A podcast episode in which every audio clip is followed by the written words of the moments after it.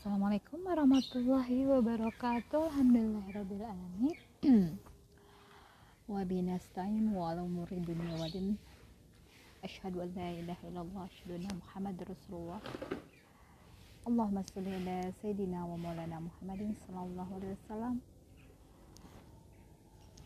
Hasbunallahu wa ni'mal wakil wa la liman yashhadu wa la wala quwwata illa billahil aliyyil azim pagi Alhamdulillah. Assalamualaikum warahmatullahi wabarakatuh. Saat ini aku mau memberikan sebuah uh, testimoni. Memberikan sebuah testimoni ya. Mana aja teh. Oh iya teh memberikan sebuah testimoni tentang bagaimana kita membersihkan hati melalui teori tebung kaca. Hal ini ya ada manfaatnya satu buat yang suka makan tapi nggak mau engap ya makannya nggak banyak-banyak banget sih tapi yang istilahnya uh, tertakar lah dan kalaupun kebanyakan itu udah langsung upload uh, langsung bisa diupload ya. Maksudnya bisa dibuang.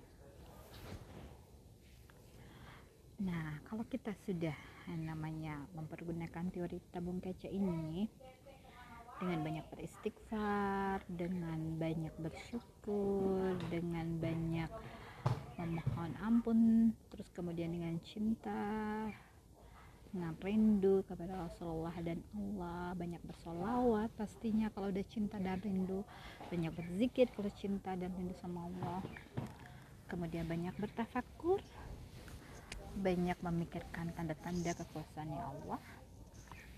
Maka cahaya pun akan membuang ampas-ampas duniawi sepertinya makanan yang terlalu akan menutupi rongga-rongga di dalam tubuh pencernaan itu akan langsung diupload ya.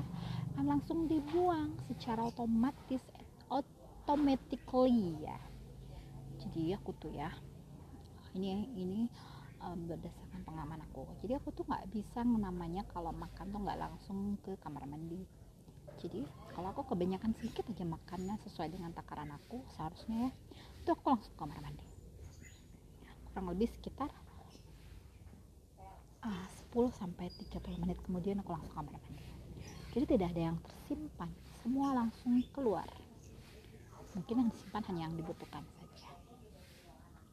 Itulah bagusnya kita menggunakan ya cara dengan menggunakan teori tabung kaca ini yang aku terinspirasi dari hikmah surah An-Nur ayat ke-35 dipadu padankan dengan makna bismillah dari huruf ba dan makna huruf nun pada bismillah.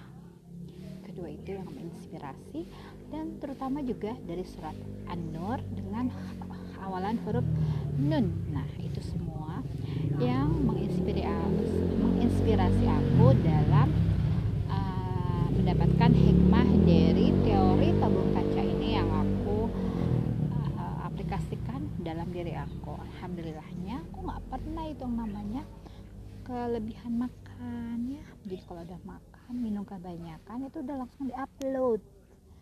Di upload sudah di deny sama pencernaan aku dan sudah dibuang keluar. Jadi nggak lama. Ya jadi yang buat hobi-hobi makan ya cukup dengan mempergunakan teori tujuh teori ini yang bersumber dari Al-Quran bisa membuat kalian ya nggak juga banyak-banyak tapi sekedar niat. Jadi kalau kebanyakan pun dia akan langsung terbuang upload akan insya Allah Allah akan melindungi segala sesuatu yang membuat hambanya tidak dapat berpikir. Cuman satu ya keluhannya adalah yang namanya makan otomatis godaannya ngantuk ya. Dan kalau ngantuk ini bisa disebabkan oleh satu asupan dan satu lagi karena perutnya sudah kenyang jadi ngantuk dan juga bisa karena godaan syaitan ya dua ini bisa kita tanggulangi dengan memperkuat rohani kita dan juga ya jangan terlalu banyak makan juga imbangi dengan berpuasa.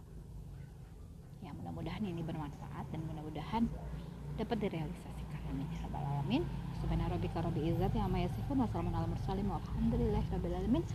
Billahi taufiq wal hidayah. Assalamualaikum warahmatullahi wabarakatuh